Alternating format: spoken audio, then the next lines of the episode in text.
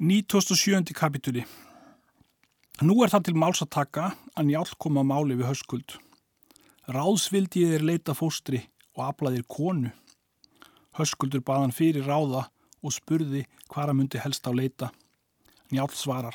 Kona heitir Hildigunnur og er starkaðardóttir Þórðarssonar freyskóða, veit ég þann kost bestan.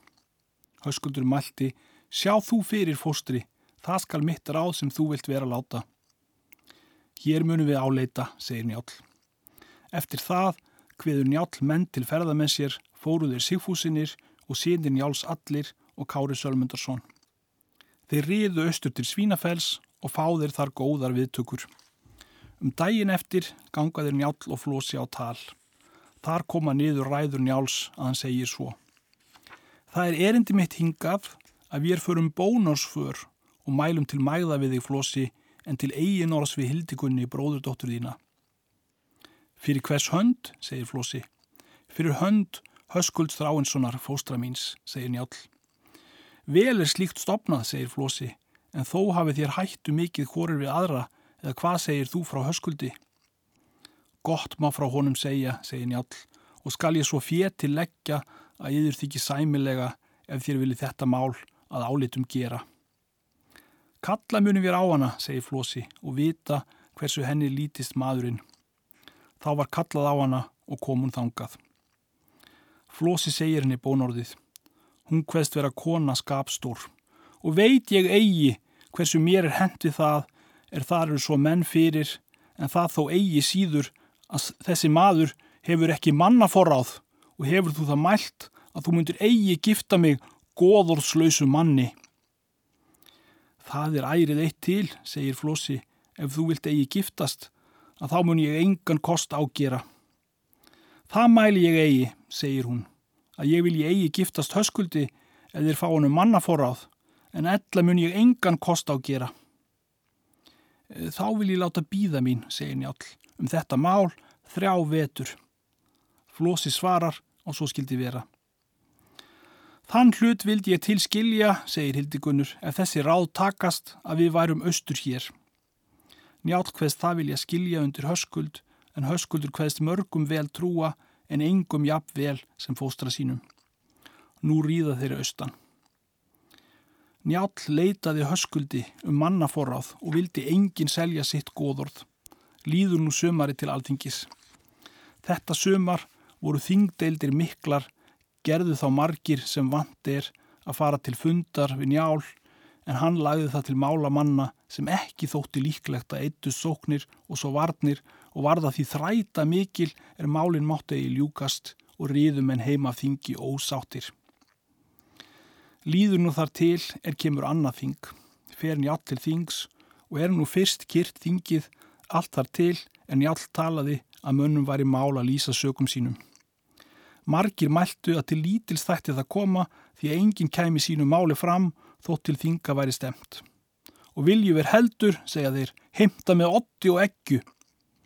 Svo má eigi, segir njál, og hlýðir það hverki að hafa eigi lög í landi. En þó hafi þér mikið til íðars máls um það og kemur það til vor er við kunnum lögin og þeim skulum stjórna. Þykir mér það ráð að við köllum saman allir höfðingjar og tölum um genguðir þá til lögréttu. Þá mæltin ég all. Þig hveð ég að þessu skafti Þórótsson og aðra höfðingja að mér þykir sem málum vorum sé komið í ónýtt efni ef ég skulum sækja mál í fjórðungstómum og verði svo vafið að eigi megi ljúkast nýja framganga. Þykir mér það ráðlegast að við ættum hinn fymtadóm og sættum þau mál í fymtadómi er eigi, eigi megi ljúkast í fjórðungstómi. Hversu skaltu nefna, segir skafti, fymtardómin er fyrir forn góðorð en nefndur fjórðungsdómur, þrennar tiltir úr fjórðungi hverjum. Sjámun ég ráð til þess, segir Njál, að taka upp ný góðorð. Þeir er bestir til fallir úr fjórðungi hverjum og segist þeir í þing með þeim er það vilja. Þennar kost viljum við, segir skafti, eða hver vandar sóknir skulu hér vera eða íkoma. Þau mál skulu hér íkóma, segir Njál, um alla þingsafglöpun ef menn bera ljúvitni eða ljúkviðu Hér skulu og íkoma véfangsmál þau er menn véfengja í fjörðungsdómi og skal þeim stefna til fymtadóms. Svo og ef menn bjóða fjö eða taka til liðsér og innihafnir, þræla eða skuldarmanna. Í þessum dómi skulu vera allir henni styrkustu eðar og fylgja tveir herjum eði er þar skulu leggja undir þekkskapsinn er hínir sverja. Hér skal á svo ef aðri sækja rétt en aðri ránt, þá skal eftir þeim dæma er rétt fara með sókn. Hér skal á sækja hvert mál sem í fjörðungsdómi utan það þá er nefndar eru ferðnar tiltir í þfimtardóm. Þá skal sækjandi nefna sex menn úr dómi en verjandi aðra sex en ef hann vill eigi úr nefna þá skal sækjandi nefna úr þá sem hina sem verjandi átti en ef sækjandi nefnir eigi þá er ónýtt málið því að þrennar tiltir skulu um dæma. Við skulum og hafa þá lögréttu skipun að þeir er sitja á miðjum pöllum skulu réttir að ráða fyrir lofum og lögum og skal þá velja þar til er vitrastir eru og best að sér. Það skal og vera fymtardómur. En ef þeir verða eigi ásáttir er í lögréttu sitja hvað þeir vilja lofa eða í lög leiða þá skulu þeir riðja lögréttu til og skal ráða afl með þeim.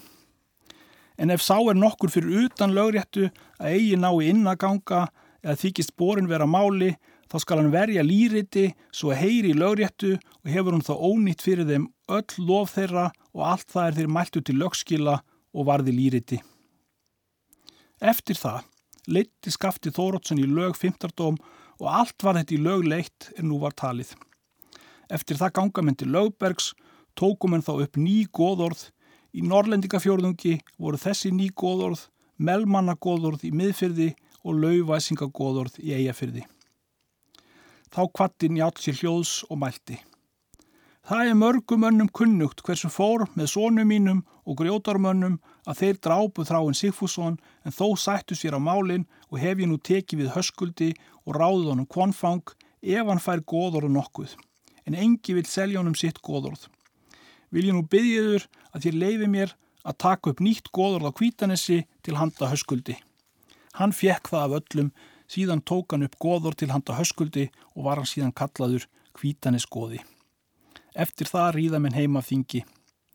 Njált velst skamma stund heima áður hann rýður austu til Svínafells og sínir hans og vekur til um bónorði við flosa en flosi hveðst efna myndu við þá er þá hildigunur föstnuð höskuldi og kveða á brúðhlöpstefnu og líkur svo með þeim. Ríða er þá heim. En í annað sinn ríða er til brúðhlöps, leisti flosi út allt fyrir hildigunar eftir bóðið og greitti vel af hendi. Fóruð þau til Bergþórskóls og voru þar þau misseri og fór allt vel með þeim hildigunni og Bergþóru. En um sumarið eftir kifti njátt land í Ossabæ og fær þá höskuldi og fer hann þanga byggðum. Njál réðunum hjón öll og svo var dátt með þeim öllum að engum þótti ráð ráðið nema þeir réðu allir um. Bjó höskuldur í Ossabæ lengi svo að kórir stuttu annara sæmt og voru síðan njáls í ferðu með höskuldi. Svo var ákaftum vináttu þeirra að kórir buðið öðrum heim hvert höst og gáfu stór gafir, fer svo fram lengi. 98. kapituli Maður hétt Lýtingur er bjóð á samstöðum. Hann átti þá konu er Steinfur hétt, hún var Sigfúsdóttir, sýstir þráins. Lýtingur var mikill maður vexti og sterkur, auðugur að fjö og yllur viðuregnar. Það var einhverju sinni að Lýtingur hafi bóð inn á samstöðum. Hann hafi þanga bóði Höskuldi og Sigfússonum og komuðir allir, þar var og Grani Gunnarsson og Gunnar Lambasson og Lampi Sigurðarsson. Höskuldur Njálsson og móður hans Hróðni áttu bú í Holti og reið Höskuldur jafnan til búsíns frá Berðarskóli og lá leið hans um garð á samstöðum. Höskuldur átti són þann er ámundi hétt, hann hafi blindur verið borin. Hann var þó mikill vexti og öflugur. Lýtingur átti bræður tvo, hétt annar Hallsteinn en annar Hallgrímur. Þeir voru hinnir mestu óeiru menn og voru þeir jafnan með bróður sínum því að aðrir komi ekki skapi við þá. Lýtingu var út um daginn en stundum gekk hann inn, hann sest nú í sæti sitt. Þá kom kona inn, er úti hafi verið. Hún mælti, og fjarrri voru þér nú úti að sjá, er oflátin reyðum garð. Hver er ofláti sá, segir Lýtingur, er þú segið frá? Höskuldur Njálsson, segir hún, reið hér um garð. Lýtingur mælti oft rýður hann hér um garð og er mér eigi skaprunar löst og bjóðum sér til þess að fara með þér höskuldur eða þú vilt hefna föður þíns og drepa höskuld Njálsson. Það vil ég eigi, segir höskuldur, og launa ég þá verð en vera skildi fóstra mínum og þrýfst þú aldrei fyrir heimbóð og spratt upp undan borðinu og létt taka hesta sína og reið heim. Lýtingur mælti þá til Grana Gunnarssonar. Þú varst hjá er þráin var vegin og mundir það minnisamt og svo þú Gunnar Lampasson og Lampi Sigurðarsson. Vil ég nú að við rýðum að honum og drepum hann í kveld en hann rýður heim. Nei, segir Grani, ekki mun ég fara að njálssonum og rjúfa sætt þá er góðir menn gerðu. Slíkum orðum mælti hver þeirra og svo sigfúsinir og tóku það ráðs að ríða í braut. Þá mælti lýtingur er þeir voru í brautu. Það vita allir að ég hef ekki við bótum tekið eftir þráinn máminn skal ég og aldrei una því að engi komi mannhemd eftir hann. Síðan kvartan til ferðar með sér bræður sína tvo og húskarla þrjá. Þeir fóru á leið fyrir höskuld og sátu fyrir honum norður með gardinum í gróf einni og byðu þar til þess er líðu til miðs aftans. Þá rýður höskuldur að þeim, spretta þeir þá upp allir með vopnum og sækja að honum. Höskuldur verst svo harlega að þeir fá lengi eigi sótanan en þar komum síðir að hann særði lýting á hendi en drap tvo heimamenn hans og fjall síðan. Þeir særðu höskuld 16 árum en eigi hugguðir höfuð af honum. Þeir fóru í skóana fyrir austan ranga og fólu sig þar. Þetta kveldið sama hafði smalamaður hónýjar fundið höskuld döðan og fór heim og sagðinni víg svona síns. Hún mælti, eigi mun hann döður eða var af höfuðið. Egi var það, segir hann. Vita mun ég ef ég sé, segir hún, og tak þú hest minn og akfæri. Hann gerði svo og bjóðum með öllu og síðan fóruði þanga sem hann lá. Leit hún á sárun og mælti, svo er sem ég kom í hug að hann myndi eigi döður með öllu og muni all græða stærri sár. Síðan tókuðu líkið og lögðu í vogarnar og ógu til Bergþórskóls og draga þar inn í sögðahús og láta hann sitja upp í vekkin. Síðan genguðu heim bæði og drepa á dyr og gekk húskarl dýra. Hún snarar þegar inn hjá honum og fer þar til er hún kemur að hýlun jáls. Hún spurði hvort njál vekti. Hann hveð sofið hafa til þessa en hveðst þá vaka? Eða hví ert þú hér komin svo snemma? Róðni mælti, statt þú upp úr binginum frá eljuminni og gakk út með mér og svo hún og síniðinir. Þau stóðu upp og gengu út. Skarpiðin mælti, töku við voppvor og höfu með oss. Njál lagði ekki til þess og hljópuðir inn og gengu út vopnaðir. Fer hún fyrir þar til eru þau koma að sögðahúsinu. Hún gengur inn fyrri en bað þau ganga eftir. Hún vatt upp skriðljósi og mælti Hér er höskuldur, sonðinn jál og hefur fengið á sér sár mörg og muna nú þurfa lækningar. Njál mælti Dauða mörg sé ég á honum en engi lífsmörg eða hví hefur þú eigi veittunum nábjargir er opnar eru nasinnar. Það ætlaði ég skarpjeni, segir hún. Skarpjen gekkað og veitt honum nábjargir. Skarpin mælti þá við föður sinn. Hver segir þú að hann hafi vegið? Njátt svarar. Lýtingur af samstöðum mun hann hafa vegið og bræður hans. Hróðni mælti. Þér fel ég á hendi skarpiðin að hefna bróður þins og þó að hann sé eigi skilgetin þá ætla ég þó að þér munu vel fara og þú munu þó mest eftir ganga. Bergþóra mælti. Undarleiriður farið Þér vegið víg þau er yður rekur lítið til en meldi slíkt og sjóði fyrir yður svo ekki verður af. Mun hér þegar er spyrst koma höskuldur kvítaneskoði og byggiður sætta og mun þér veitunum það og er nú til að ráða eðir viljið. Skarpiðin mælti. Eggjar móður voru á snú lögeggjun síðan hljópuðir út. Hróðni gekk inn með njáli og var þar um nóttina. 99. kapitúli Nú er að segja frá skarpiðinni og þeim bræðurum að þeir stefna upp til rángár. Þá mælti skarpiðin Stöndum ég nú og hlýðum til. Síðan mælt hann, för við hljótt því að ég heyri mannamál upp með ánni. Eða hvort viljiði heldur eiga við lýting einn eða bræður hans tvo. Þeir hvaðust heldur vilja eiga við lýting einn. Í honum er þó veiðurinn meiri, segir skarpiðin, og þykir mér illa ef undan ber, en ég treysti mér best að eigi drægi undan. Til skulum við svo stefna, segir Helgi, ef við komumst í færi að eigi reki undan. Síðan gengu þeir þanga sem skarpiðin hafi heyrt mannamálið og sjá hvað þeir lýtingur eru við lækinn.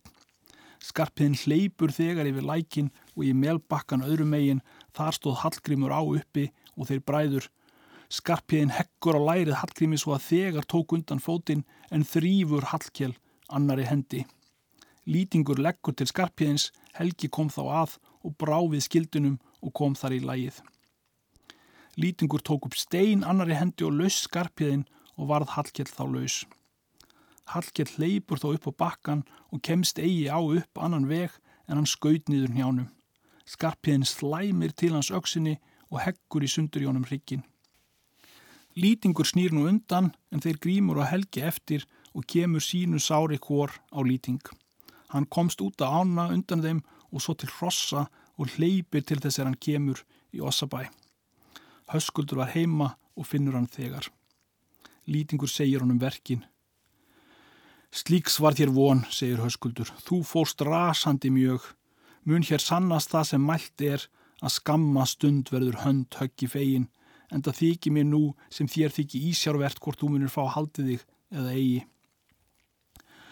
Svo er víst, segir lýtingur, að ég komust nauðulegi brott, en þó vildi ég nú að þú kæmi mér í sætt við njál og sónu hans og mætti ég halda búi mínu. Svo skal vera, segir höskuldur. Síðan létt höskuldur söðla hest sinn og reið til Bergþórskóls við einn sjötta mann. Þá voru sínin Njáls heim komnir og höfðu lagst til sveps. Höskuldur fór þegar að finna Njál og gengu þeirra á tal. Höskuldur mælti til Njáls. Hingaði með komin að byggja fyrir lýtingi máju mínum. Hefur hann stórt afgjört við yður, rofið sætt og drepið svonuðinn. Njál mælti.